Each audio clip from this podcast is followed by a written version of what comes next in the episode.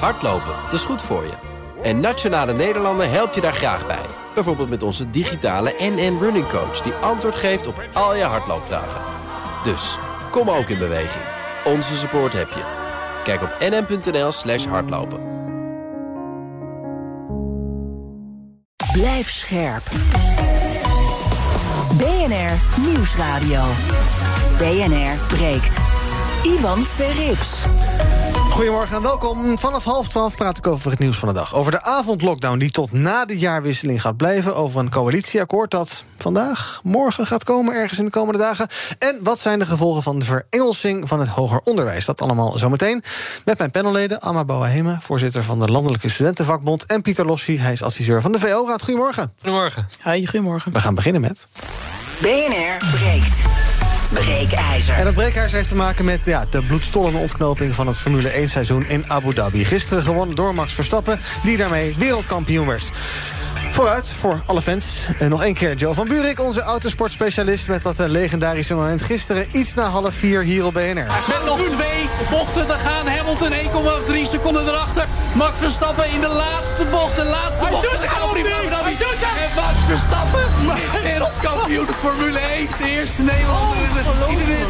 Wat een waanzinnig, krankzinnig, bizar einde van deze Formule 1. Ja, de beelden zijn ook allemaal terug te kijken via Twitter bijvoorbeeld. Zoek even op BNR, daar kan je ze zien. Joe van Buurik is hier. Hi. Hoe is het om dit terug te horen? Nou, weet je wat ik zo raar vind, Ivan? Er zijn dus mensen die zeggen dan op Twitter, meerdere... wat bleef je kalm? Ja. Hoe, hoe was dit kalm? Ja. Weet je? Nou, jij zat heel kalm met je armen over elkaar. Nou, ik stond ook een beetje zo te dansen op Nou mijn ja, als benen. dat het zo, wildste is, had ik gezien. Ik, ben- nou, dat de hoort stond hier als een soort gekke met hun Nou, handen voor hun mond. En, eh, De doodsangsten die Nout zichtbaar uitstonden. dus eh, nee, het was eh, ja, eh, dankzij de prestaties van Max en hoe het allemaal verliep historisch. En natuurlijk fantastisch om daar verslag van te mogen doen hier bij BNR. Oké, tot zover het goede nieuws. Na de race ging het bijna alleen maar over ja, protesten, over regels, over de wedstrijdleiding, over stewards, over het kas. Want Mercedes legde zich niet zomaar neer bij het feit dat Lewis Hamilton als wereldkampioen was ontroond. En dus deden ze alles wat er in hun mogelijkheden lag. En dat is best wel veel. Want de reglementen zijn, net als in veel andere sporten, ja, op veel manieren uit te leggen. En daar maakte Mercedes dus gebruik van. Tot ergernis van velen, zoals onze BNR-collega en Formule 1-kenner Annick van der Leeuw. Je mag zeker ingrijpen, maar dan moet je het consequent doen. En dan moet je het elke keer op dezelfde manier doen. En wat er is gebeurd, is volstrekt inconsequent en niet te begrijpen. En dat was vorig weekend ook zo. Nou, daar gaan we het dus over hebben. Die inconsequentie, de regels, het toepassen van die regels... en het idee dat die regels niet voor iedereen lijken te gelden. Vandaar ons breekijzer. De Formule 1 wordt verpest door de wispelturige wedstrijdleiding. Wat vind jij? Wil je meepraten? Pak je telefoon en bel naar 020 468 4x0. Wil je niet eh, bellen, maar wel stemmen? Doe het dan via de stories van BNR Nieuwsradio op Instagram. Aan het einde van dit half uur krijg je een tussenstandje van me. 020 468 4x0 is ons telefoonnummer. Ehm, Joe, dan maar, ging maar eens bij jou. Ja. Ons breekijzer dus. De Formule 1 wordt verpest door, eh, de, eh, eh, door de wedstrijdleiding. Wat vind jij? Ja, Ja? Ja, en eigenlijk dat is een trend. En dat is jammer, want ehm, je hebt even voor de goede orde het verschil tussen wedstrijdleider, dat is race director Michael Masi van de FIA, en de wedstrijdleiding, dat zijn de stewards of the meeting. Dat is een wisselend comité van kenners en oud-coureurs. Die beoordelen incidenten. Maar die, die Michael Masi die heeft de mogelijkheid om een beetje te, ja, te regisseren wat er gebeurt. Dat klinkt dan alweer erger dan het is, maar zo lijkt het wel. Dat is het probleem dat we nu ook hebben. Een soort oppergod, zo klinkt het. Nou ja, een soort manager. Dat Ja. is hij eigenlijk ook. En, en, en dat zorgt er dus voor. En zeker omdat dat dan allemaal tegenwoordig wordt uitgezonden... met de communicatie tussen teams en Michael Masi... eh, dat, dat dat informele overleg, zeg maar, dan allemaal doorcijpelt... en het dus ook heel erg overkomt alsof het allemaal inconsequent is. Want hé, hey, er worden dingen met elkaar besproken... en er zijn toch regels, er zijn al zoveel regels... Uh-huh. en die worden dan niet toegepast en dan weer wel.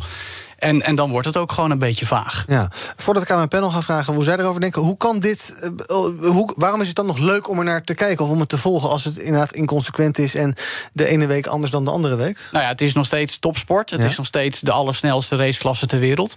Met een fantastische Nederlandse coureur die verdiend wereldkampioen is geworden. Ehm, dus dat wil je nog steeds zien. Alleen eh, door de jaren heen is de Formule 1 door de powers that be zo ontwikkeld en zo gegroeid. En zeker in de afgelopen tijd. Dat het gewoon heel erg uh, uh, ondoorzichtig is geworden. Mm. En dat moet dus flink veranderen. Maar dat is een diep probleem. Vijf miljoen Nederlanders hebben gekeken. Uh, Amma, was jij daar één van? Ja, ik was daar één van. Voor het eerst ooit heb ik naar de Formule 1 gekeken. Ik heb het idee dat meer mensen dachten van... nu het een beetje te spannend wordt, gaan we opeens kijken. Waarom ben jij gaan kijken? Nou, ik was toch wel benieuwd. Ik had er heel veel nieuws over gelezen. En ik had ook een artikeltje gelezen op NOS over wat dan de regels waren. En oh ja. toen ik dat had gelezen, dacht ik, nou, nu kan ik het wel aan, denk ik. Ja. En het viel niet tegen, moet ik zeggen. Ja. En uh, let je dan, ben je dan ook bezig met inderdaad regels... en hoe dat wordt gemanaged door de VIA? Of heb je gewoon gekeken naar racende autootjes en succes ermee?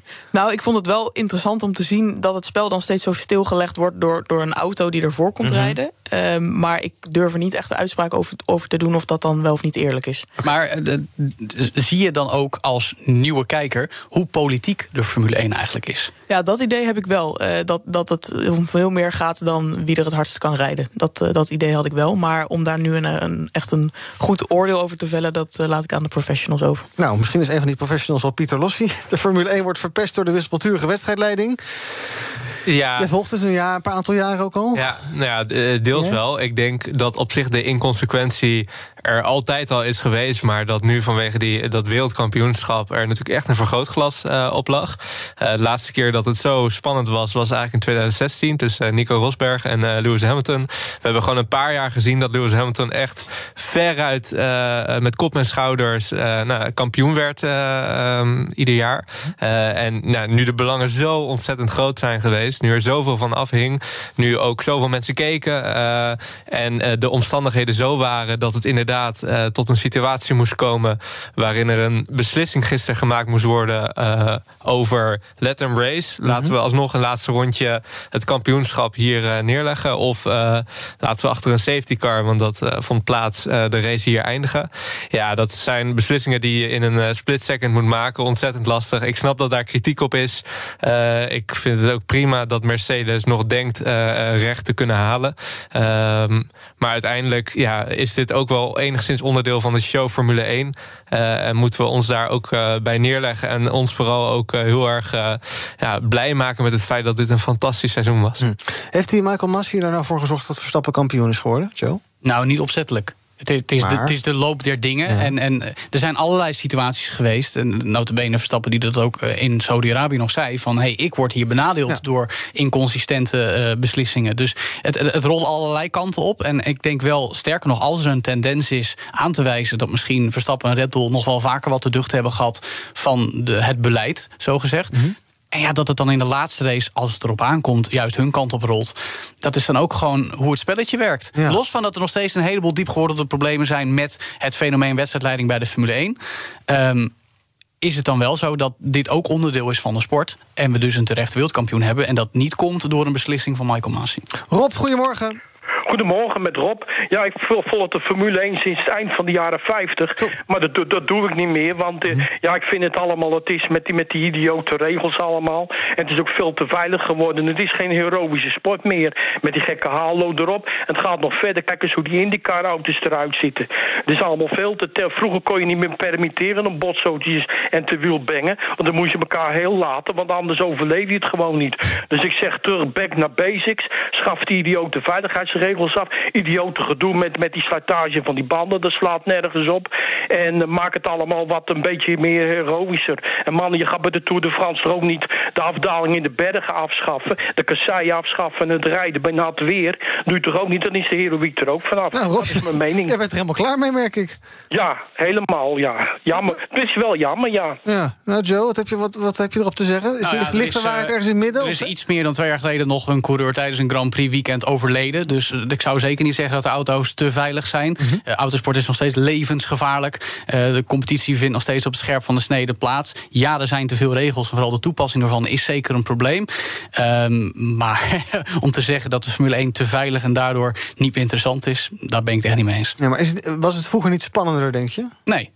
En waarom niet? Nee, we hebben een hartstikke spannend seizoen gehad. Uh -huh. Het is voor het, de tweede keer in de geschiedenis van de Formule 1... dat er in de laatste Grand Prix een gelijke stand in punten... tussen de twee WK-leiders was. Dat was de laatste keer in 1974. Nou, zegt mij dan nog een keer dat Formule 1 niet spannend is. Dat, ja. dat is gewoon niet waar. Ja, dat zal ik ook niet aandurven. Um, uh, uh, het ligt trouwens niet aan de rijders... Hè, want die geloof ik, geloof ik allemaal vrij sportief met elkaar om. Nou ja, zeker als je kijkt naar hoe het na afloop van de race gisteren ging. Dat Hamilton Max komt feliciteren. -huh. Dat de vaders van Hamilton en Verstappen ook elkaar omhelzen Weet je, er is dan berusting in de situatie. En ook echt wel bij Hamilton diep van binnen, sportman die die dan toch ook is. Ondanks dat hij ook heel vaak een drama queen is. Die weet, ik ben gewoon verslagen dit jaar. Volgend jaar nog een keer. Ja. BNR breekt. Ivan Verrips. Met in mijn panel Pieter Lossi, adviseur van de VO-raad... Amma Boa voorzitter van de Landelijke Studentenvakbond...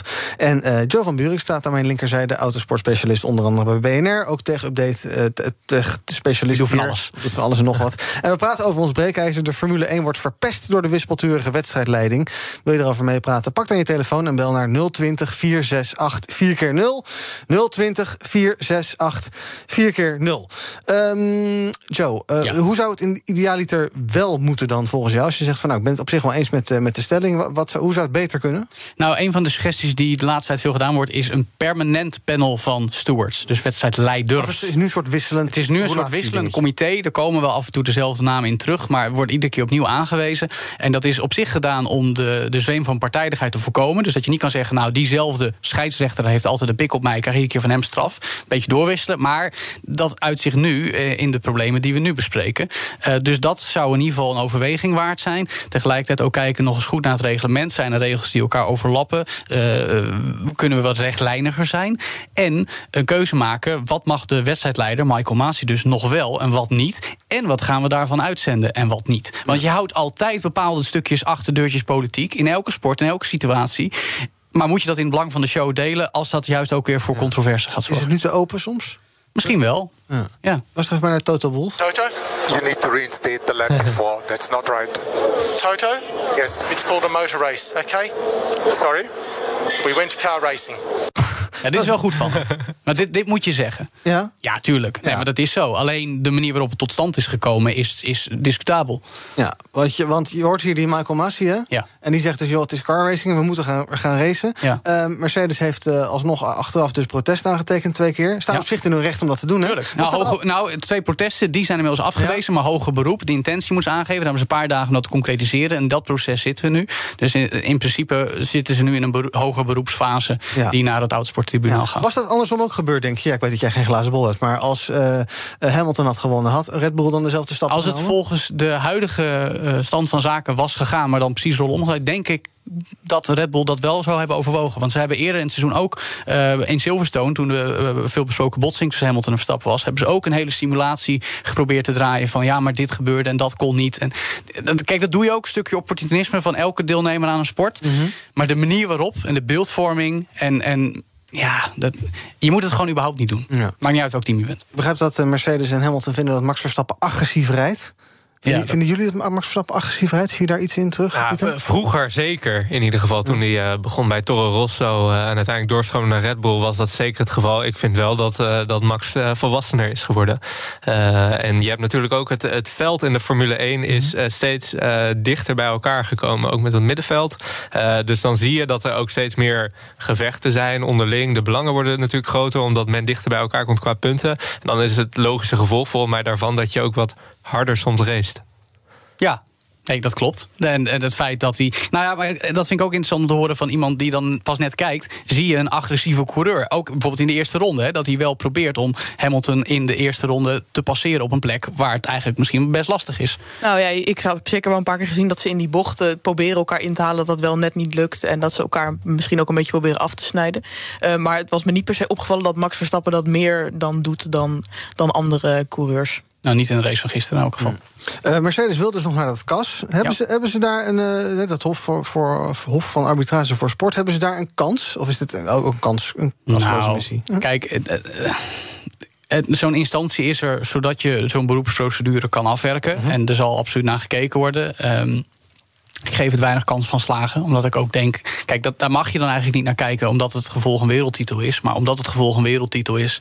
ja, ergens, ergens beïnvloedt dat natuurlijk Ja, toch dat de situatie. En, en het zou gewoon... Kijk, dat is dan ook weer een bepaald belang. Wat je ook misschien niet officieel moet meewegen. Maar het zou voor zo'n ontiegelijke reputatieschade voor de hele Formule 1 zorgen. Ik- En de FIA zit op het moment al een beetje met een crisis. Want er komt een nieuwe presidentsverkiezing aan. Dus een nieuwe topman van de hele eh autosportorganisatie voor de hele wereld. Dan zijn de scherven zo talrijk. Dat wordt heel moeilijk om op te bloedbad rapen. dus. Ja. Uh, John van Zanten, goedemorgen. Goedemorgen. Zeg het maar. Ja, eh, eh, het lijkt mij eh, logisch dat Max wel wereldkampioen geworden is. En ik denk dat ze de regels ook een beetje aan moeten passen, want het gaat over een heel jaar racen. En dan moeten ze ook de afweging maken van de meeste pole positions, de meeste gewonnen wedstrijden en dat soort zaken neer. En het niet af laten hangen op de laatste race. Het is wel een, een impact voor, eh, voor de hele Formule 1 dan om eh, daar eh, de beslissing te laten vallen. Ja, dus jij vindt dat, we, dat, dat, je, dat je anders moet gaan kijken naar wie de wereldkampioen wordt? Ja, je doet het hele jaar, zijn, er zijn alle teams zijn bezig om, om eh, allerlei prestaties te verrichten. En eh, eh, het beste team wint dan met, met alle eh, overwinningen die er dan gemaakt zijn in dat seizoen. Goed idee, Joe?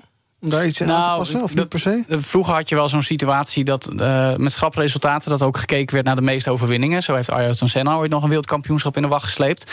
Ehm, dat moet je niet willen, maar dit zijn wel factoren die meetellen. Ondanks het feit dat Hamilton en Verstappen op gelijke score stonden... voor de afgelopen race, eh, stond eh, Verstappen voor omdat hij meer overwinningen had. Dus dat soort dingen worden nog steeds meegewogen. Ehm, eh, dat zal misschien ook in tendenswerking wel een effect hebben. Maar die- de hele puntentelling omgooien... Of, of de manier waarop bepaald wordt wie de beste is... volgens de officiële telling, is niet nodig. Dat is het probleem niet. Welke krachten zijn er nou allemaal actief als het gaat om het aanpassen van de, van de regels? Wat, ja, stel dat je dat zou willen. Ja. eh, wat moet er dan gebeuren en bij wie? En is er, is, zijn er, gaat dat denk je gebeuren? Of is dit Nou, een soort onmogelijke weg? Heel veel van de regels worden bepaald door de eh F1 Commission. Daar zijn alle teams in vertegenwoordigd, in ieder geval het grootste deel van de teams. En ook andere stakeholders, de Formule 1 zelf, Formula 1 Management, de rechthouder, de FIA. Eh, daarin wordt met elkaar bepaald hoe de reglementen in de Formule 1 eruit zien. Maar dat is een heel stroperig proces. Ehm, eh, als het gaat om techniek hebben we net compleet nieuwe auto's voor volgend jaar. Daar is ook al jaren aan werk aan vooraf gegaan. Dus al dat soort dingen worden niet zomaar even geregeld. Er zijn allerlei verschillende belangen, allerlei spelletjes. Ehm, maar uiteindelijk is er wel een vorm van inspraak vanuit de deelnemers. Daar kun je al iets van vinden. Je kan ook zeggen, nou, dat gaan we niet doen. Want zo kan iedereen altijd klagen dat het anders moet. Ehm, het begint gewoon bij de FIA... die zich achter de oren moet krabben als internationaal autosportorgaan. Hoe gaan we de Formule 1 en dus ook alle andere autosportklasses organiseren? Is het te ingewikkeld en te eh, ontransparant geworden? Ja. Hoe ga je dat oplossen? Door gewoon eens heel goed na te denken hoe je als orgaan fungeert. Ja. Pieter, ehm, eh, hoe, hoe kijk jij eh, daarnaar in de zin van... ehm, het is natuurlijk heel veel... eh, in hoeverre draait het toch echt om de sport... en in hoeverre is het gewoon ja, een commercieel feestje? Want eh, aan de reclameuitingen te zien zou je denken... dat het vooral een commercieel feestje is. En dat het misschien minder dan bij andere topsporten om sport draait? Of ben ik daarmee... Ah, het, het is het allebei. Ehm, dus ik kan me wel voorstellen dat ook met ehm, de intrede van eh, Netflix, die Drive to Survive een aantal jaar geleden is eh, begonnen te draaien. En nu met eh, de wereldkampioen battle, dat Netflix of dat Formule 1 wel steeds meer begint te begrijpen dat die show ook echt relevant is. En eh, dat dat uiteindelijk ook gewoon centen oplevert. Alsnog denk ik dat het wel primair gaat om het, het racen. En dan kunnen we natuurlijk kritiek hebben of geen kritiek op bepaalde besluitvorming. Maar uiteindelijk blijft dat maatwerk. Kijk, ook in, in voetbal zijn we het soms niet eens met een gele of met, een, met een rode kaart. Je kan niet laten we zeggen, de illusie hebben dat je met eh, regels elke situatie die in de toekomst nog gaat voortkomen, eh, kan afdekken. En je dat moet is heel daar- erg waar. Ja, absoluut. Ja, nee, dat, dat is net zoals zeggen van in de voetbal... eh, bij elke tackle moet er een gele kaart komen. Kan niet. Nee. Het is altijd de, de, de discretie van de, de scheids... of de, de andere eh, mensen die over de, ja, de, de toezicht op het spel gaan. Ja, dus het blijft, eh, eh, het blijft inderdaad maatwerk ook wat Ja, dat betreft. ja, en, absoluut. En, en je zal altijd hebben dat mensen het eens zijn met beslissingen... niet. Het zal nooit een rigide, eh, duidelijke goed of fout worden. Ja, maar goed, tegelijkertijd zitten we in een tijd met polarisatie. Mensen die van iets vinden en zich daar dan heel erg fel voor, voor Boos worden. boos worden en, en, en kampvorming. Ja, dat, dat hoort er dan ook bij de tijd. En dat heeft dan ook zijn weerslag op hoe dat soort situaties worden beleefd. Ja. Wanneer begint het eh, nieuwe seizoen? In maart, over eh, mm, 89 dagen, zoiets. Oh, ja, heb je het afstellen op je Nou, nee, iedereen dat heeft niet. het erover in, Ja, de, in de hardcore Formule 1 Heel community. En eh, gaan er dan dingen veranderen of gaan we dan gewoon door zoals we nu eh, gaan? Nou, we hebben dan sowieso een nieuwe VIA-president, dus dat wordt wel interessant. Ehm, als in, dat, niet dat die naam iedereen iets moet zeggen, maar dat, dat gaat, dan gaat er weer een andere wind waaien door, door de VIA als autosportorgaan. We hebben volledig nieuwe auto's. We hebben Verstappen die heel graag zijn tweede titel wil pakken, maar waarbij de druk eraf is. Want hij heeft nu zijn wereldtitel. Dat zegt hij ook. Alles wat ik nu nog hou is bonus. Ja, ja, ja. Ik heb mezelf eh, nieuw leren kennen dit seizoen. Dus dat is ook interessant. Wat gaat dan de nieuwe Max Verstappen doen in 2022? Gaat Hamilton het weer doen? En welke andere teams komen er opeens op? Dus een heleboel ingrediënten voor een nieuw spannend seizoen. Ja, maar geen nieuwe regels dus. En dat, is de, gewoon, dat klinkt heel stom, want 90 dagen, te kort dag. Ja, oké. Alma, blijf jij kijken? Nou, het zou best eens kunnen. Ja? Ja. Ga je vanaf het begin eh, meekijken? Nou, ik denk wel echt dat ik, dat ik het vaker ga kijken. Ik moet wel zeggen dat mijn vooroordelen over de sport eh, echt niet terecht waren. Hm. Is het een mooi moment om in te schakelen als je nog niet het gevolgd hebt, Joe? Ja, zeker. Ja, nee, maar de Formule 1 is altijd interessant. Ik zeg ook, het is Game of Thrones op wielen. En als je het op die manier benadert, is het gewoon leuk voor iedereen. Alright, dank jullie wel voor nu. Ik ga kijken op Instagram. Hoe is daar gereageerd op onze breekijzer? De Formule 1 wordt verpest door de wispelturige wedstrijdleiding. 72% is het daarmee eens. Nou, misschien dat ze bij het VIA's kunnen luisteren naar BNR... en wat dingetjes aan kunnen passen. Dankjewel, Joe. Alomtegenwoordig in de media. Vanmiddag geloof ik ook nog wel onze grootste concurrent. Ja, notabene. Ja, nou, ik zou bijna zeggen voor één keer luister daar dan maar een keer naar. Ehm, en, eh, of nee, blijf gewoon lekker BNR luisteren. Je hoort Joe vanzelf ook weer over vanmiddag in de middag met Ja. Tech en al. Je komt gewoon niet van hem af. Eh autosportspecialist bij BNR, dank. En eh, zometeen gaan we verder praten met mijn panelleden. Met Alma en met Pieter over de formatie. Komt hij vandaag, komt hij morgen, het coalitieakkoord. We gaan het zien. We gaan het hebben over de avondlockdown. Daar zijn we voorlopig nog niet vanaf. En de Big Brother Awards zijn bekendgemaakt. Althans, de winnaars daarvan. De ja, iets wat discutabele winnaars. En dat zijn allebei eh, mensen uit het demissionaire kabinet. Blijkbaar haat het kabinet onze privacy. Of zoiets. Hebben we het zo meteen over. Tot zo in BNR. Wat ging er door je heen toen je dat las? Inderdaad, Robert. Toen dacht ik, er is toch hoop. hè. Je moet altijd hoop houden dat het goed komt. Dit is Kees. Nou, Altijd in voor een goed gesprek. die zijn niet zo positief hoor. Kees hoopt op betere tijden. De lange termijn groei is gebaseerd op investeringen. Kees de Kort. Elke werkdag En dat is een heel ander verhaal. even na 12. Dan hoor je het eens. Hardlopen, dat is goed voor je. En Nationale Nederlanden helpt je daar graag bij. Bijvoorbeeld met onze digitale NN Running Coach... die antwoord geeft op al je hardloopvragen. Dus, kom ook in beweging. Onze support heb je. Kijk op nn.nl slash hardlopen. Blijf scherp. BNR Nieuwsradio. BNR breekt. Ivan Verrips. Met in mijn panel vandaag Pieter Lossi, eh, adviseur van de VO-raad... en Amma Boahema, voorzitter van de LSVB... die vandaag op Instagram te volgen is bij de LSVB. Dat klopt, ja. Ik ga vloggen vandaag. Heel goed, dus als je wil weten wat ze gedaan hebben... ik zag je al met mondkapjes op treinstations en dergelijke... dan kan je dat volgen, zoek even op LSVB, dan vind je het vanzelf. We gaan praten over het eh, nieuws van de dag.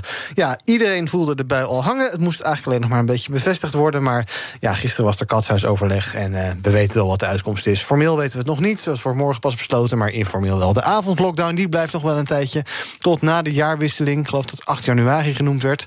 Het OMT en het kabinet die maken zich eh, grote zorgen... over de nog steeds opkomende Omicron-variant. Nou, Pieter, Ja, ik, dat is eh, nooit meer s'avonds iets doen. Dat was natuurlijk al een beetje zo tijdens de vorige lockdown. En dat houden we de komende weken nog wel.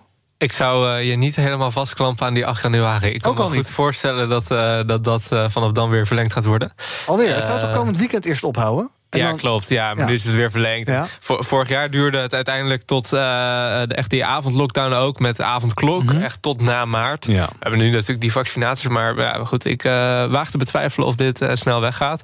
Ik vind het overigens wel echt goed dat de scholen nog steeds open zijn... en dat daar niet aan afgedinkt wordt. Tegelijkertijd, wat ik echt niet te begrijpen vind... is dat sport ook gewoon in de avond niet door kan gaan. Ik spreek met mensen die zeggen... ja, ik wil dan tennissen met één iemand anders... op een groot veld in de buitenlucht na vijf uur... om een beetje gezond te zijn. hè. Eh, we zitten in een volksgezondheidscrisis. En dat mag niet. Ja, lastig uit te leggen. Ja. Ja, Amma, de besmettingscijfers dalen, dat is ook allemaal de bedoeling. Maar de lockdown wordt toch verlengd. Eh, ver- Verbaast het je of verbaast het je niet meer inmiddels? Nee, helaas verbaast het me niet meer. Eh, ja, ik denk dat, net als Pieter, dat we er nog wel even aan vastzitten. Ik zou het wel goed vinden als dat ook wat meer gecommuniceerd zou worden. Want volgens mij weten zij ook wel dat het niet binnen drie weken gedaan is. Dus ik denk dat het heel goed is om ook gewoon wat verder te kijken. En het is liever dat we er dan weer eerder vanaf kunnen... dan dat het steeds opnieuw moet worden verlengd, denk ik. Eh, maar ook helemaal eens met Pieter dat het onderwijs nog open is... is wel goed nieuws. En eh, ik, ja, ik ga ervan uit en ik hoop dat dat de komende tijd ook zo blijft. Ja, valt het nog, valt het allemaal. Jij zegt, ik heb liever wat realistischer beelden dan dan? Dus niet dat je zegt, nou, we gaan het drie weken proberen... en dan, ach, verrassing, het wordt toch langer. Oh, ja, dat konden we allemaal bedenken.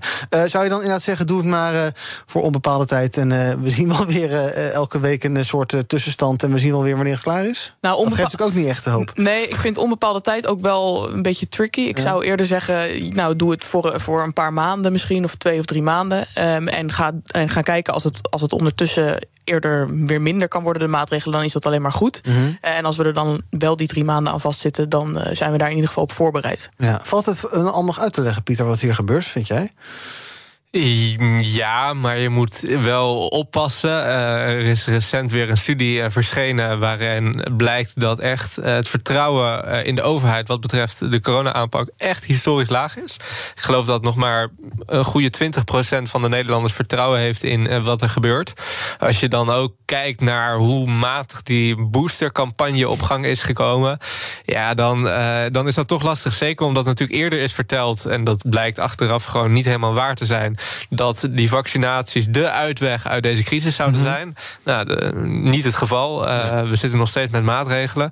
Uh, helpen natuurlijk wel ontzettend. Hè. Die vaccinaties daar uh, niks aan af. Maar het zijn wel steeds weer wisselende signalen. Er wordt gedraaid. het duurt weer langer. En ja, uiteindelijk. Komt dat natuurlijk tot een punt uh, waarop je dat niet meer kan voortzetten. Ja. We hadden in vorige lockdowns hadden we uh, veel zorgen om uh, jongeren die allemaal thuis zaten op studentenkamertjes, ook niet, toen niet naar de universiteit of naar de hogeschool of naar het MBO mochten. Um, is dat, zie jij nu ook weer ja, met die avondlockdown soortgelijke drama's? Of is dit minder dan toen? En is dit, ja, ja goed, ja, je zit dan misschien binnen vanaf zes uur, want er is valt niks te doen en er is niks open. Wat zou je moeten doen?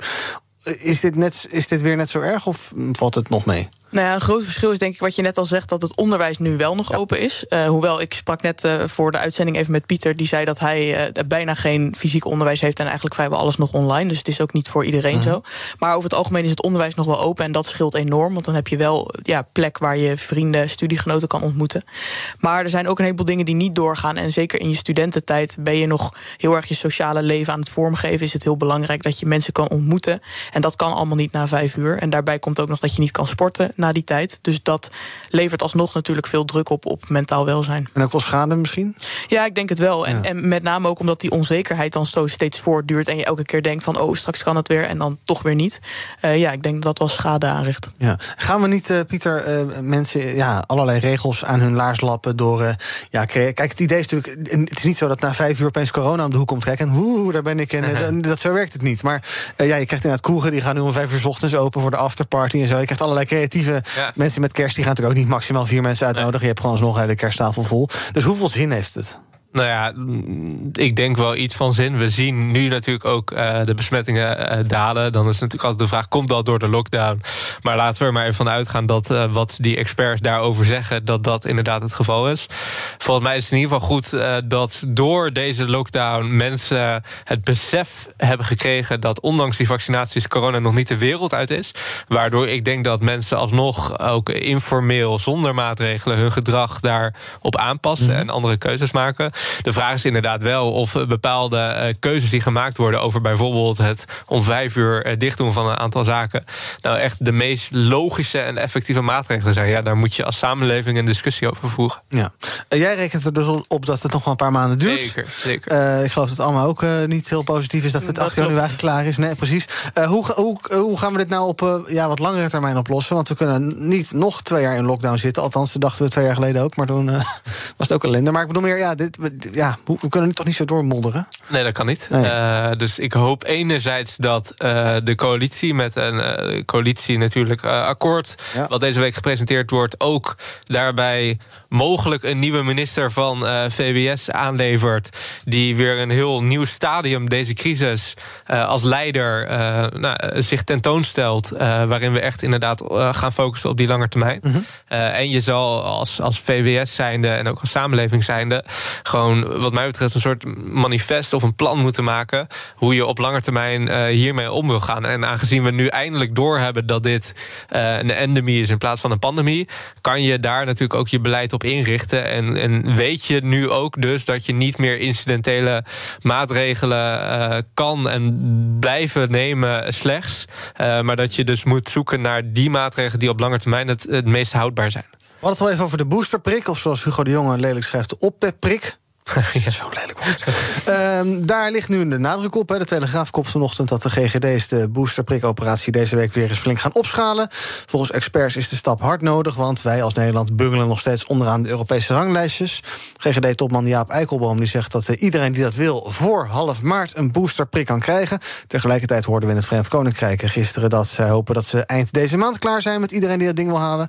OMT-lid en IC-baas Diederik Gommers die vindt eh, dat de GGD slecht opereert in deze boostercampagne. En dan hebben ze het over brieven schrijven en dit en een afspraak maken. Het lijkt net of de GGD het weer voor het eerst doet. Ik ben een beetje boos eigenlijk. Regel het met elkaar. Ik bedoel, het is toch allemaal niet zo moeilijk. Ik bedoel, je wil gewoon dat die 60-plusser zo snel mogelijk. En de eerste 60-plusser en daarna die 60 minder. Die moet ook zo snel mogelijk een booster. Ja, Alma, regel het gewoon. Wat een gezeik. Nou, wel mee eens. Ik denk, uh, ja, we hebben, we hebben het toch al gedaan. 94, 84 procent van Nederland volgens mij heeft al twee prikken gehad. Dus je zou zeggen dat die infrastructuur nog wel uh, er is en dat die gebruikt kan worden. En volgens mij hebben veel mensen nog wel moeite met een afspraak maken. Mijn eigen oma bijvoorbeeld, die heeft, uh, had er ook veel moeite mee. Hoezo? ja, het lukte haar niet. Ze oh. heeft geen internet. Oh, ja. um, dus dan moet je bellen of een brief. Eerst wachten op de brief is, en dan pas mag je bellen. Dat ja. is allemaal veel gedoe. volgens mij is het uiteindelijk wel gelukt. Maar ook bij die boosterprikken prikken vraag ik me wel af, is dat dan de oplossing uh, die, het, die het hele probleem gaat oplossen? Volgens mij moet er veel meer in de zorg uh, geïnvesteerd worden, omdat het daar toch steeds misgaat, uh, dan dat we eindeloos die prikken blijven doen. Ja, want dan zei uiteindelijk, hè, dus, er is nu afgesproken Europees dat zo'n boosterprik voor internationaal reizen dan negen maanden geldig is. Maar jij voorziet dus dat je elke negen maanden een prik mag gaan halen. Nou, daar lijkt het wel een ja. beetje op. Ja, en ik denk, kijk, zo'n prik, zeker voor ouderen, denk ik dat het heel goed is dat die mogelijkheid er wel is. Maar volgens mij gaat die prik alleen niet genoeg zijn om ons uit deze pandemie of endemie te halen. Ja, uh, nu ik toch eraan denk, LSVB, uh, studenten, allerlei studenten geneeskunde, zouden die niet allemaal kunnen gaan meeprikken? Stop even met die opleiding een paar weken en uh, jas en naald bij je oma en daar. Nou, dat, Dank dat, u wel. dat gebeurt op sommige plekken. Ja. Zeker al dat geneeskundestudenten, verpleegkundestudenten ja. ook, dat die, dat die meehelpen met die prikken en ook meehelpen trouwens in ziekenhuizen. Dus ja, ik denk dat het goed is als daar ook meer op ingezet wordt. Ja, um, Pieter, wat, wat kan er nou gebeuren om de boel nog een beetje aan te jagen, om dat wat op te, op te krikken, die niveaus? Want ja, halverwege maart, is dat ambitieus? Ik weet het niet. Ja, misschien moet je zeggen, uh, iedereen onder de 40 gaan we niet zo'n boosterprik geven. Mhm. Mm -hmm. uh, want ik vind het echt behoorlijk dom dat we inmiddels uh, toch weten dat die vaccinaties wel goed werken tegen ernstig ziekteverloop. Minder goed tegen transmissie hè, van het virus. met zo'n vaccinatie onder de 40 jaar zou je dus moeten willen voorkomen dat mensen een ernstig ziekteverloop hebben. Terwijl we weten dat dat de groep is die gewoon in grote aantallen niet dat ernstig ziekteverloop heeft. Terwijl we ook weten dat er heel veel andere landen in deze wereld uh, zijn die staan te popelen om uh, ladingen uh, vaccinaties. Ja. Dus de vraag is, en zeker nu we ook weer gaan kijken naar kinderen en, en, en, en steeds jonger wordt het, ja, moet je inderdaad wel willen dat deze groep iedere negen maanden weer een boosterprik Ja, aan de andere kant zeg je net vaccinaties werken. Ja, tegen ernstig ziekteverloop. Ja. Uh, dus uh, het is voor mij ontzettend goed om uh, mensen boven de 40 jaar om de zoveel tijd weer zo'n boosterprik te geven. De vraag is dus of je niet een soort schijnveiligheid creëert bij die generatie daaronder. Ja. Waarbij zij het idee krijgen van, nou, ik ben nu beschermd, uh, alsnog uh, zorgen voor transmissie. Uh, dat ziekteverloop niet per se heel veel minder heftig wordt door die vaccinaties. Waardoor je je moet afvragen in hoeverre het doelmatig is om heel veel investeringen en heel veel gedoe richting het verzorgen van zo'n boosterprikcampagne mm. voor deze groep generaties te voorzorgen. Ja, misschien toch ook maar niet aan blind geloven in die, in die vaccinaties. Dat, dat is ons eerder beloofd, dat viel een beetje tegen. Precies. Nu wordt er gezegd, ja, gaan we die boosterprik halen, maar die gaat ons misschien nog niet uh, uitprikken. Dus we moeten er misschien niet te veel berekenen. Dus Israël is alweer bezig uh, met de derde boosterprikcampagne. Ja, nou oké.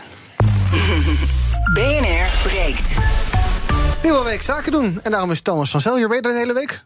Uh, ja. ja. Nee, geen Edwin Mooibroek deze week? Uh, nee, nee, nee. Nee, zover je weet even je agenda. Goed zo. Leuk dat je er bent. Ja, ik ga je doen zo meteen? praat zo meteen met de voorzitter van Holland Questor. Dat is de branchevereniging voor de trustkantoren in Nederland. En die hebben een uh, misschien wel zware tijd voor de boegen. Want Wop Koekstra verliest al ongeveer zijn geduld met de branche. er is vrij veel illegaliteit ook. waar deze branchevereniging zich natuurlijk ook hard voor maakt om dat te bestrijden. Want als je illegaal bent, dan mag je geen onderdeel meer uitmaken van de club. Maar Maar de uh, goede zouden wel eens onder de kwade kunnen gaan leiden. Want er wordt nagedacht over een algeheel verbod. En het grootste trustkantoor van Nederland komt ook nog eens in Amerikaanse handen. Dus voldoende te bespreken. Het uh, economenpanel is er ook alvast uh, een beetje voorbeschouwend op het regeerakkoord. En al die fondsen die worden opgericht. Oftewel hoe een zuiniger toch geld uitgeeft. Hoe denken economen daarover? En ik praat met de oprichter van Fair Trade. Die brengen voedselproducenten en afnemers samen. En een groot belang in dat bedrijf is genomen door PostNL. Wat PostNL daar dan precies mee wil, dat gaan wij horen. Bijzonder. Nou, Bijzonder, hè? Ben benieuwd. Zometeen over een kwartiertje, twee uur lang zaken doen hier op BNR met Thomas van Zo. BNR breekt. Na bijna negen maanden is het einde van de formatie van uh, Rutte 4 in zicht. Het regeerakkoord wordt waarschijnlijk vandaag gepresenteerd aan de fracties. Uh, maar het tijd pad lijkt toch weer een beetje anders te lopen, vertelt onze eigen politiek verslaggever Thomas van Groningen. Maar dat deed hij bij op één. Het idee was dus dat dat maandag, dat hoorden we, dat was het tijdspad dat een beetje rondging in Den Haag, dat dat dan naar de fracties zou gaan. Die geven daar dan nog hun, hun zegen op, zomaar zeggen. En dan zou het woensdag groots gepresenteerd kunnen worden. Uh, maar we horen nu dat ze maandag nog met deze vier onderhandelaars aan tafel zitten. Ja, is ook nog een beetje onduidelijkheid. Thomas die gaat trouwens binnenkort werken bij op één, dus daarom zit hij er ook zo vaak. Maar hij is ook nog gewoon bij ons te horen.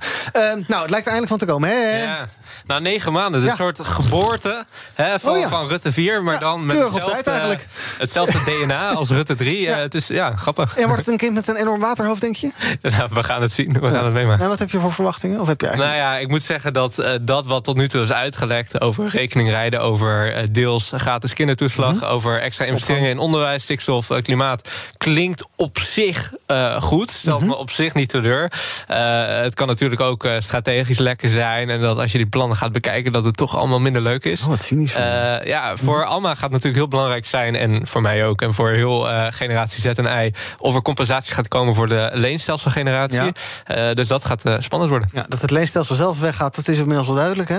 Ja, dat lekte, Gelukkig. dat lekte vrijdag uit. NRC, geloof ik. Ehm, nou, AD had het, Oh, AD, eh, had het als eerste volgens mij. Ehm, dus ja, nou, dat, dat was in ieder geval goed nieuws. Ja. Maar er is nog wel heel veel onduidelijk. Wat gaat, er dan, wat gaat er dan voor in de plaats komen voor dat leenstelsel? En inderdaad, wat Pieter zegt, gaat de generatie die wel onder het leenstelsel gestudeerd heeft, dan gecompenseerd worden? En Ja. dat is allemaal nog onduidelijk. Als dat voorlopig niet gebeurt, hoe groot zou die ramp zijn? Als er geen compensatie Ja. komt, enorm denk ik. En ik verwacht ook dat studenten dan echt wel massaal de straat op gaan. Want ik krijg daar ook al heel veel vragen over van studenten die blij zijn dat het leenstelsel nu gaat verdwijnen, maar zich ook echt zorgen maken. Omdat ze zelf hoge schulden hebben en straks nou, bijvoorbeeld een huis willen kopen en Ja. daarvoor geen hypotheek kunnen krijgen. Ja. Dus eh, ja, dat is wel echt een groot probleem. Hoe zou die compensatie eruit moeten zien? Zijn dat gewoon keiharde euro's? Of zou je ook kunnen zeggen, als dat er niet is... dat je inderdaad naar leennormen gaat kijken of iets dergelijks... of dat je dingen minder zwaar laat meetellen... of ja, garantieachtige fondsenstellingen? Nou, de beste oplossing zou zijn als je mensen gewoon geeft wat ze onder het oude stelsel met de basisbeurs Mhm. gekregen zouden hebben. Dus dat je dat eigenlijk gewoon doortrekt. En dan krijg je wel een flinke compensatie die echt de schulden die studenten nu hebben opgebouwd flink drukt. Maar het is wel spannend of dat er gaat komen. Want een partij als de VVD is eigenlijk sowieso voor het leenstelsel. Eh, dus nou, die moeten nog wel van ver komen. Maar het is wel ja, een investering in, in de jonge generatie. En echt heel hard nodig als je mensen een fatsoenlijke start van hun werkende leven wil geven. Ja, we hadden het net al eventjes over de eh, coronaminister, nu nog de jonge. Eh, ja, er wordt wel gesproken over de poppetjes ook. En dat is ook een beetje leuk om daar een beetje over te fantaseren. Gommers zelf, die wil geloof ik niet, heeft hij vanochtend nog gezegd. Eh, je hebt natuurlijk Ernst Kuipers, waarvan iedereen denkt dat hij graag dat het ministerie in zou duiken. Er wordt heel vaak de naam Marcel Levy genoemd. Ehm, maar als het jou ligt, moeten we echt wel afscheid gaan nemen van Hugo de Jonge? Ja, hij doet ook zijn best. Ik wil hij wil, niet hij op wil de graag door. spelen. Wees nou eens lief. Ik wil niet op de persoon gaan spelen, inderdaad. Ik moet zeggen dat je eh, volgens mij wel kan afvragen of eh, hij nou het meest eh, fantastisch gefunctioneerd heeft op het ministerie van VWS. Wetende ook dat in deze periode van de coronacrisis er echt iemand met bepaalde expertise, met bepaald gezag zou moeten kunnen zitten. Die niet, laten we zeggen, als achtergrond een PABO-opleiding en onderwijswethouder in Rotterdam is geweest. Nogmaals, met alle respect voor Hugo de Jonge, want hij doet eh, van harte zijn best en alleen maar eh, de goede bedoelingen.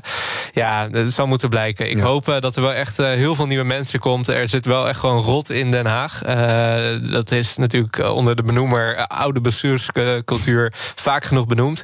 Dus dat zal wel echt betekenen dat er nieuwe jonge geesten nodig zijn om dat hopelijk een beetje te verhelpen. Ja, corona lostrekken van VWS en daar een aparte minister voor aanstellen. Is dat een goed idee, Alma? Dat je ook het risico en ja, het afbreukrisico een beetje lostrekt. Wie die shitklus dan wil gaan doen, weet ik niet. Maar Nou ja, ik denk wel misschien dat nu gewoon de jongen dus. De vraag is wel, zeker als we constateren dat corona nog wel even bij ons gaat zijn... en misschien wel voor altijd een soort onderdeel blijft van, van, van ons leven... dan denk ik dat het niet zo handig is om het los te trekken. Mm. Oké. Ehm, we gaan kijken naar wat jullie eh, zelf was opgevallen in het nieuws. Pieter, jij wilde het hebben over ja, Donald Trump. Die is al een tijdje geen president meer, maar er is wel allerlei nieuws. Omdat Ja. eh, ja, heeft te maken met de kapitoolbestorming... en hoe dat eh, zichzelf ont, ontvouwt. Wat blijkt nu? Vertrouwelingen van Donald Trump... die maakten plannen om hem aan de macht te houden. En ook als hij dus de presidentsverkiezingen verloren had. En al die ideeën stonden in een PowerPoint-presentatie... en dat heeft allemaal te maken met Mark Meadows, hè? Ja, klopt. Vertel. Ja, dat is de, de voormalig stafchef. Die is eh, betrokken geweest bij eh, PowerPoint-presentaties... waarin eigenlijk allemaal scenario's geschetst werden voor eh, Trump en voor zijn team... over hoe Trump na het verliezen van de verkiezingen... alsnog eh, in het Witte Huis kon blijven zitten. En daarin stonden bijvoorbeeld ook scenario's... waarin dan gespeculeerd zou worden richting de buitenwereld... dat de Chinezen de digitale stemsystemen zouden hebben overgenomen. Eh, dat het dus allemaal gemanipuleerd zou, zou zijn. En ik vind het wel... Het is natuurlijk enerzijds heel ironisch, bijna lachwekkend dat zoiets eh, heeft plaatsgevonden. Anderzijds het feit dat we Amerika natuurlijk altijd als het land van eh, de democratie en de vrede hebben gezien. En daar nu gewoon bijna een staatsgreep heeft plaatsgevonden, is natuurlijk ontzettend eh, schokkend. Zeker als je beseft dat ongeveer 70% van de Republikeinen daadwerkelijk nog steeds gelooft dat die verkiezingen gewoon gemanipuleerd zijn. Ja, en het ook niet helemaal uitgesloten is... dat hij niet misschien nog een keer wil meedoen aan de presidentsverkiezingen. Daarom. Dus dat laat volgens mij zien dat die democratie voor zulke mensen met foute bedoelingen echt heel kwetsbaar is. Mhm. Eh, en dat ik eigenlijk ook hoop dat de volgende coalitie eh, in het coalitieakkoord echt even een passage ook over democratie opneemt. In Nederland? Ja, in Nederland. Eh, want eh, ook in Nederland is bijvoorbeeld het vertrouwen in de overheid natuurlijk nu eh, best wel laag. En dat is gewoon een voedingsbron voor antidemocratische sentimenten in de samenleving. En ook de rol van social media wat betreft de verspreiding van deze sentimenten wordt alleen maar groter.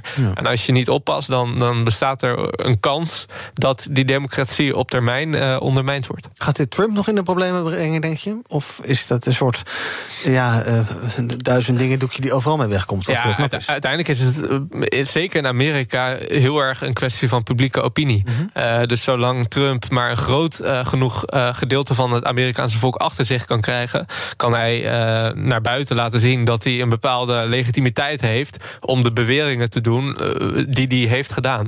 Eh, en dat, ja, dat is problematisch. En daarom zou je ook in Nederland, maar ook in de Verenigde Staten, echt dat juridische, meer objectieve gedeelte moeten verstevigen binnen die procedures. Oh, maar jij wil het hebben over eh, internationalisering in het onderwijs. Heeft ook een eh, keerzijde. Ja, zeker. Eh, Er was vanochtend een artikel over verengelsing van het onderwijs. Steeds meer opleidingen die worden in het Engels gegeven. Eh, dat kan goed zijn als je een, een opleiding doet waarbij je misschien daarna ook gaat werken in, eh, in het buitenland en de Engelse taal nodig hebt. En ook om internationale studenten aan te trekken. Maar je ziet dat de kwaliteit van heel veel van die Engelse opleidingen gewoon niet goed is. Omdat studenten of docenten eigenlijk niet goed genoeg Engels kunnen. En het trekt dus een heleboel internationale studenten aan. eh, wat er ook voor zorgt dat er nu zoveel studenten in Nederland zijn. dat er gewoon veel te weinig kamers zijn om al die studenten een plek te bieden. En dat is wel een grote zorg. Ja, maar waarom? eh, ik bedoel, onders- eh, ik weet niet hoeveel mensen in de wereld Nederlands spreken, maar het zijn er enkele, nou, we hebben vijf, weet ik veel, 16 miljoen, maar iets meer, nog wat landen. Ehm, maar ja, waarom? Engels is toch op zich prima, want dan ben je inderdaad lekker voorbereid op je, op je carrière. En nou ja, Nederlands spreek je toch, want dat heb je hier geleerd of niet, maar dat zal wel goed komen. Dus waarom is het zo belangrijk dat we Nederlands blijven spreken aan onze universiteiten? Nou, het is inderdaad zo dat het voor sommige werken, sommige banen heel handig is als je Engels spreekt. Maar voor een heleboel ook niet. Als je in Nederland blijft werken eh, en je hebt gewoon de Nederlandse voertaal op je werk, dan is het ook belangrijk dat je die taal goed beheerst. En ook voor de Nederlandse wetenschap is het belangrijk dat, eh, dat mensen die wij opleiden de Nederlandse taal goed beheersen. Eh, dus er moet, zou, wat mij betreft, echt gekeken moeten worden naar: is het functioneel? Is het nodig om Engels te spreken op een opleiding? En dan is het ook heel goed. Maar als dat niet zo is, dan moet een opleiding gewoon in het Nederlands gegeven worden. Ja, ehm, en daarmee is, is het niet ook een beetje een verkapte poging om eh, inderdaad al die internationale studenten het land uit te trappen? Gaan we lekker ergens anders heen? Ik zou heel graag willen dat er en voor alle internationale studenten en voor alle Nederlandse studenten plek is in Nederland. Mhm. om, om ook een huis te vinden. Maar op dit moment is dat niet zo. Er zijn er gewoon mensen die hier naartoe komen om te studeren. die geen huis kunnen vinden, in een heel duur hotel moeten slapen. eh, die op een camping moeten staan. soms zelfs een nacht in een bushokje moeten doorbrengen. Nou, dat soort praktijken kunnen gewoon niet. Eh, dus als dat zo is, dan moet je die internationale studenten echt waarschuwen. en eigenlijk zeggen: kom maar niet hier naartoe. En ook tegen zichzelf beschermen dus. Ja, eigenlijk wel. Nog even kijken wat de trending is op de socials. Nou ja, weer veel politiek natuurlijk. Uh, hashtag klaar met Rutte enzovoorts. Nederland is nog aan het bijkomen van de prestatie van het wonderkind. Uh, Max Verstappen, althans Ali B noemde hem het wonderkind. En over twee weken is het alweer de most wonderful time of the year. Maar wat wil iedereen het liefst onder de boom? Op loodjestrekken.nl kan je ieder jaar je favoriete wens, wensenlijstje invullen. Ik ga je nog niets verklappen. Pieter, als ik jou vraag, wat, uh, wat zou jij onder de boom willen qua cadeau? Ja, wij doen altijd cadeautjes met Sinterklaas. Oh ja, dus jullie doen geen kerst? Nee. Wat heb je met Sinterklaas gekregen? Uh, wat ik, is uh, bladmuziek van uh, een componist genaamd Hania Rani. Pa piano of niet? Piano, ja. Oké, okay, mooi. Alma, wat denk jij dat mannen graag als cadeau met kerst willen? um, ik denk dat um, ik niet zo'n onderscheid ga maken tussen wat mannen en vrouwen. En nou ja, dat alles doen ze op loodjestrekken.nl wel, ja. Ja, dat vind ik wel verschrikkelijk eigenlijk. Ja, het, het is ook nog eens heel cliché gereedschap. nou, Pieter, wat denk jij dat vrouwen voor, met, uh, voor kerst als cadeautje willen? Heel veel liefde. En na deze coronatijd weer een jaar corona. Uh, we zitten allemaal in een dip. Het is niet lekker weer. Je bent wel de kerstboodschappen beland. Ja, zeker. Ja, laten we vooral de verbinding zoeken. Ja. Uh, een, een, boodschap overbrengen. Iemand blij maken zit niet altijd in materiaal. Zit veel vaker in immateriaal. Uh, dus volgens mij die persoonlijke hm. connectie is minstens zo belangrijk. Wil je het antwoord van loodjestrekken.nl weten of boeit het je eigenlijk niet? boeit me niet. Dan zeg ik het ook niet, want het is ook een heel raar cliché antwoord. Dank jullie wel vandaag voor jullie aanwezigheid bij BNR Breekt. Pieter Lossi van de VO-raad. Hij adviseert de VO-raad. En Amma Boahem, zij is voorzitter van de LSVB. Dank jullie wel voor vandaag. Morgen ben ik er weer. Tot die tijd zijn we te volgen via de socials. En zometeen is het Thomas hier met Zaken doen. Tot morgen. Hardlopen, dat is goed voor je. En Nationale Nederlanden helpt je daar graag bij. Bijvoorbeeld met onze digitale NN Running Coach... die antwoord geeft op al je hardloopvragen. Dus, kom ook in beweging. Onze support heb je. Kijk op nn.nl slash hardlopen.